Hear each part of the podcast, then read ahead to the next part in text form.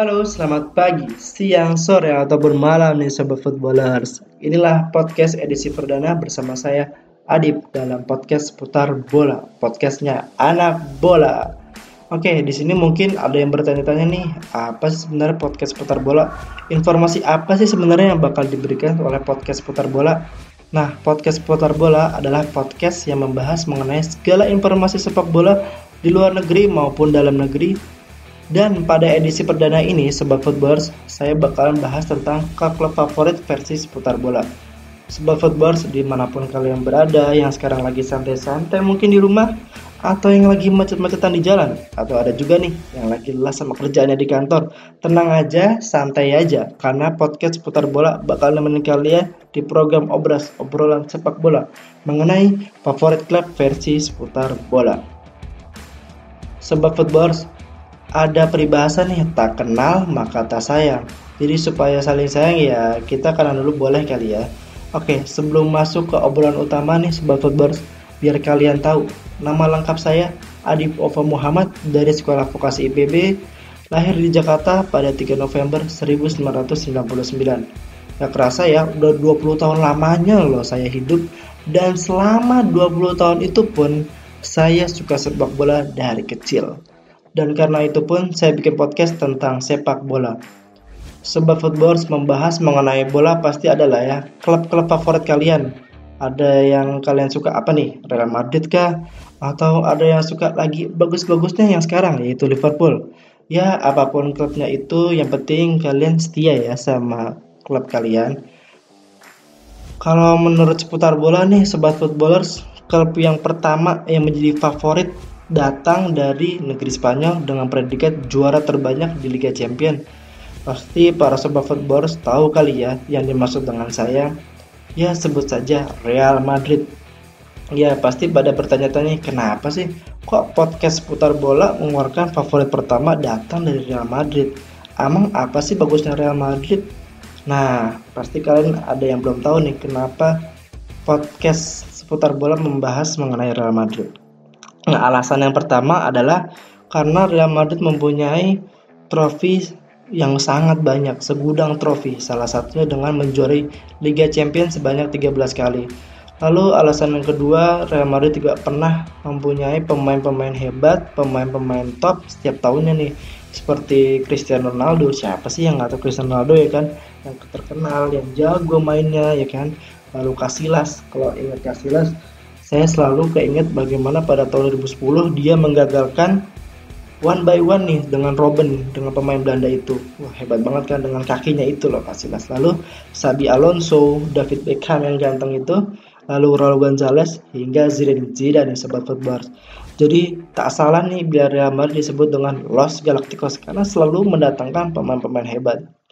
Membicarakan mengenai Zinedine Zidane menjadi cerita menarik karena dulunya dia adalah pemain Real Madrid loh sobat footballers dan sekarang dia menjadi pelatih Real Madrid tahun 2016 hingga saat ini. Membahas mengenai Zinedine Zidane sobat footballers pasti kalian masih sangat ingat bagaimana suksesnya Zinedine Zidane membawa Real Madrid juara tiga kali berturut-turut loh sobat footballers di Liga Champions. Lalu dua kali Piala Super Spanyol dua kali Super Eropa dan dua kali Piala Dunia antar klub. Wow, luar biasa kan? Dan yang lebih luar biasanya lagi nih sebab football karena Zidane Zidane juga membawa Real Madrid juara Liga Spanyol pada tahun ini. Itu merupakan prestasi yang luar biasa bukan? Tapi sebab football pada musim ini Real Madrid juga berbeda nih dari musim-musim sebelumnya. Nah, apa sih yang membuat beda nih sebab football? Ya, kalau kalian belum tahu nih, karena pada musim ini Real Madrid tidak sama sekali mendatangkan pemain. Padahal biasanya Real Madrid tiap musimnya sangat aktif membeli pemain hebat, tapi sekarang kok menjadi pasif banget ya. Jadi apa sih sebenarnya latar belakang atau alasan yang membuat Real Madrid ini pasif sekali dalam transfer kali ini? Tenang sebab football karena saya akan kasih tahu nih alasan kuat Real Madrid tidak membeli pemain pada musim ini. Nah, alasan yang pertama adalah karena pada masa pandemi ini tentunya Real Madrid juga ingin menjaga keuangannya, menjaga neraca keuangannya karena sudah banyak mengeluarkan uangnya untuk merenovasi stadion utamanya. Pasti kalian tahu lah ya stadion utama apa? Ya, Stadion Santiago Bernabeu.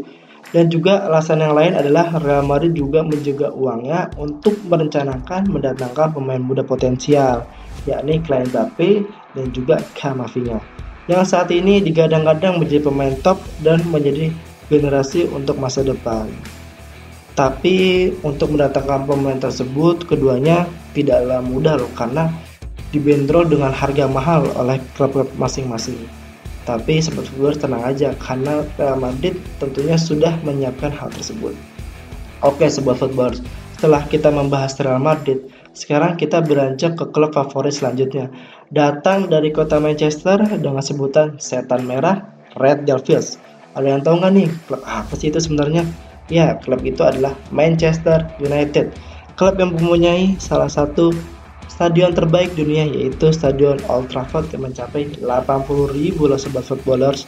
Tentu jika kita membahas dan melihat Manchester United, saya selalu teringat saat di final Liga Champions nih sobat footballers. Ada yang ingat nggak nih? Pada tahun 2008 itu loh yang di Rusia bagaimana dak duksernya melihat Manchester United melawan Chelsea yang pada saat itu berakhir di adu penalti dan syukurnya alhamdulillahnya nih sobat footballers karena pada saat itu Manchester juara hingga menempatkan Edwin van der Sar menjadi pemain terbaik di UEFA. Tapi kalau kita melihat sekarang ya ya memang beda sih ya dari eranya Sir Alex Ferguson karena hingga saat ini kita belum melihat pelatih sehebat Sir Alex Ferguson. Sebut aja nih, sejak 2013 sejak Sir Alex Ferguson turun, itu digantikan oleh David Moyes, lalu diganti oleh Luis van Gaal, Jose Mourinho, hingga saat ini pelatih yang pernah menjadi pemain Manchester United, yakni Ole Gunnar Solskjaer, yang belum bisa mengikuti kesuksesan Sir Alex Ferguson saat melatih Manchester United. Padahal Manchester United sudah mendatangkan pemain-pemain hebat pemain-pemain berkelas seperti Angel Di Maria, Memphis Depay, hingga Alexis Sanchez. Walau dalam keadaan yang kurang baik, tapi Manchester United tetap menjadi klub Eropa yang selalu ditakuti loh sobat Footballers. Kenapa sih sebenarnya? Ya karena Manchester United selalu menjadi penantang serius di Liga Premier Inggris. Dan juga kita melihat sejauh ini prestasi yang diraih maka tak salah juga sih sebenarnya Manchester United menjadi salah satu klub terbaik di dunia kita sebut saja nih 20 kali juara Premier Inggris dan menjadikannya yang paling banyak gelar di Inggris dan juga raihan trofi di kompetisi bergengsi lainnya seperti tiga kali juara champion, Liga Eropa dan juga yang lainnya. Lalu yang terakhir ini sahabat footballers, klub yang menjadi favorit seputar bola ini klub yang bermarkaskan di Stadion San Siro dengan sebutan Rossoneri. Lalu ada yang tahu nggak sih sebenarnya apa itu Rossoneri? Apa itu klub yang bermaskan di Stadion San Siro? Ya, klub itu adalah AC Milan. Nah, kalau para Milanisti pasti tahu lah ya. Apalagi kalau kita melihat dulu eranya Paolo Maldini, Dida, Ricardo Kakak, Filippo Inzaghi dan lain sebagainya. Karena bukan tanpa alasan loh sobat footballers. Pada era itu di mana kita melihat AC Milan sedang dalam masa jaya-jayanya, sedang dalam masa emas-emasnya hingga membuat saya pun jatuh cinta kepada AC Milan karena performa terbaiknya. Melihat juga sih karena komposisi pemainnya dari depan, tengah, belakang hingga kiper diisi dengan pemain-pemain berkelas. Dan terbukti hal tersebut membuat AC Milan ini sejauh ini sukses meraih 7 gelar Liga Champions, 18 kali gelar Liga Italia yang menjadikannya klub kedua terbaik di Italia setelah Juventus, 5 kali Piala Super Eropa, dan lima kali juara Coppa Italia dan gelar-gelar lainnya. Melihat kesuksesan AC Milan, rasanya saya juga teringat juga sih yang menyesakkan dari AC Milan. Apa sih sebenarnya ada yang tahu nggak? Nah, kalau kalian tahu nih, kalau kalian ingat pada final champion 2005 yang di Turki itu lah sobat footballers saat AC Milan berhadapan dengan Liverpool yang sudah unggul 3 gol tanpa belas di babak pertama lalu disamakan di babak kedua oleh Liverpool hingga mencapai adu penalti. Dan yang lebih menyedihkannya lagi nih sebab footballers karena AC Milan kalah dengan Liverpool pada adu penalti tersebut dengan skor 3-2. Mungkin hal itu juga menjadi sejarah juga sih ya di final Liga Champion. Melihat AC Milan saat ini memang sih tidak sehebat yang dulu nih sobat football karena terakhir kali juara aja pada tahun 2006 juara Liga Champion dan terakhir juara Liga Italia pada tahun 2010. Tapi kita doakan aja ya sobat footballers karena pada tahun ini AC Milan pun punya kans untuk menjadi juara Liga Italia walau masih jauh sih karena baru 8 kali bertanding tapi dalam 8 pertandingan tersebut AC Milan tanpa kekalahan atau unbeaten. Dan menempatkan pada puncak klasemen dengan raihan 20 poin. Lalu sobat footballers, pemain AC Milan pun yaitu Ibrahimovic sebagai pencetak gol terbanyak sementara dengan 10 gol. Kalau tadi kita membahas mengenai klub-klub favorit luar negeri, maka saat ini seputar bola juga mempunyai klub favorit nih, yaitu dalam negeri yaitu di Indonesia. Siapakah klub tersebut Sobat Footballers? Ada yang bisa mendapatkan nih apakah Arema mungkin atau Persib Bandung atau Persipura Jayapura? Tentu bukan itu Sobat Footballers karena klub favorit versi seputar bola yakni klub yang berada di ibu kota Jakarta dengan sebutan Macan Kemayoran. Pasti Sobat Footballers tahu kali ya klub itu. Ya, klub itu adalah Persija Jakarta. Lalu Sobat Footballers bertanya nih, Kenapa sih seputar bola menyukai klub ini, menyukai klub Persija Jakarta? Ya, terlepas dari saya yang tinggal di Jakarta, tapi Persija Jakarta mempunyai segudang gelar juga nih. Apa sih gelarnya? Mungkin ada yang banyak yang belum tahu nih gelar dari Persija Jakarta sendiri.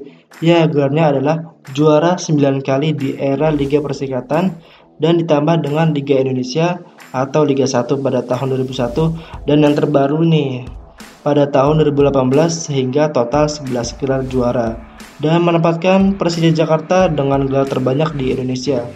Selain segudang prestasi yang sudah diraih, saya juga menyukai pemain legend dari Persija Jakarta ini Sobat Football, yakni manajer tim dari Persija Jakarta. Siapa lagi kalau bukan Bambang Pamungkas yang biasa disebut dengan BP atau BP20 karena nomor punggungnya identik dengan 20 di Persija Jakarta dan tidak hanya menjadi pemain legend di Persija Jakarta, tetapi juga menjadi pemain timnas yang sukses sehingga tak salah jika BP atau Bambang Pamungkas dinobatkan sebagai salah satu pemain terbaik versi AFC dengan torehan 38 gol di timnas Indonesia selama 86 penampilannya. Lalu di Persija Jakarta nih, Sobat Footballers dia sudah mencetak 200 gol loh Sobat Footballers di semua kompetisi Persija Jakarta dan musim terbaiknya pada tahun 1999-2000 saat menjadi top skor Liga Indonesia dengan 24 golnya. Jadi itu sebab footballers akhir dari podcast kita pada hari ini tentang klub-klub favorit versi seputar bola edisi perdana. Kalau ada saran atau kritik, masukan buat podcast seputar bola, bisa banget nih sobat footballers DM ke IG saya. DM aja di 03. Saya Adib Bova Muhammad pamit undur diri sampai berjumpa di edisi selanjutnya yang pastinya lebih seru lagi yang akan kita bahas seputar sepak bola. Tapi sebelum itu, kalau kalian seneng sama podcast ini, kalian bisa follow podcast seputar bola. Kita akan bahas-bahas lagi nih mengenai informasi-informasi seputar sepak bola di luar negeri maupun di dalam negeri. Oke, begitu aja sobat footballers, sampai jumpa.